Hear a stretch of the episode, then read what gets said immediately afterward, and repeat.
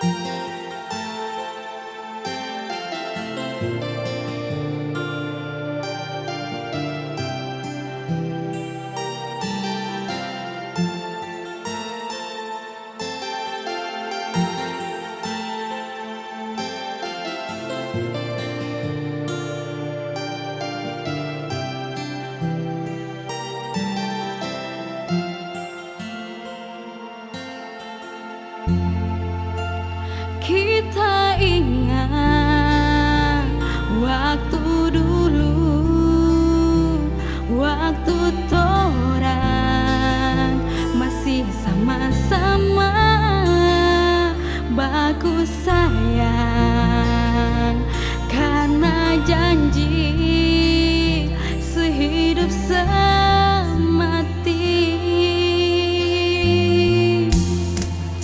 Markia apa sekarang Sujadi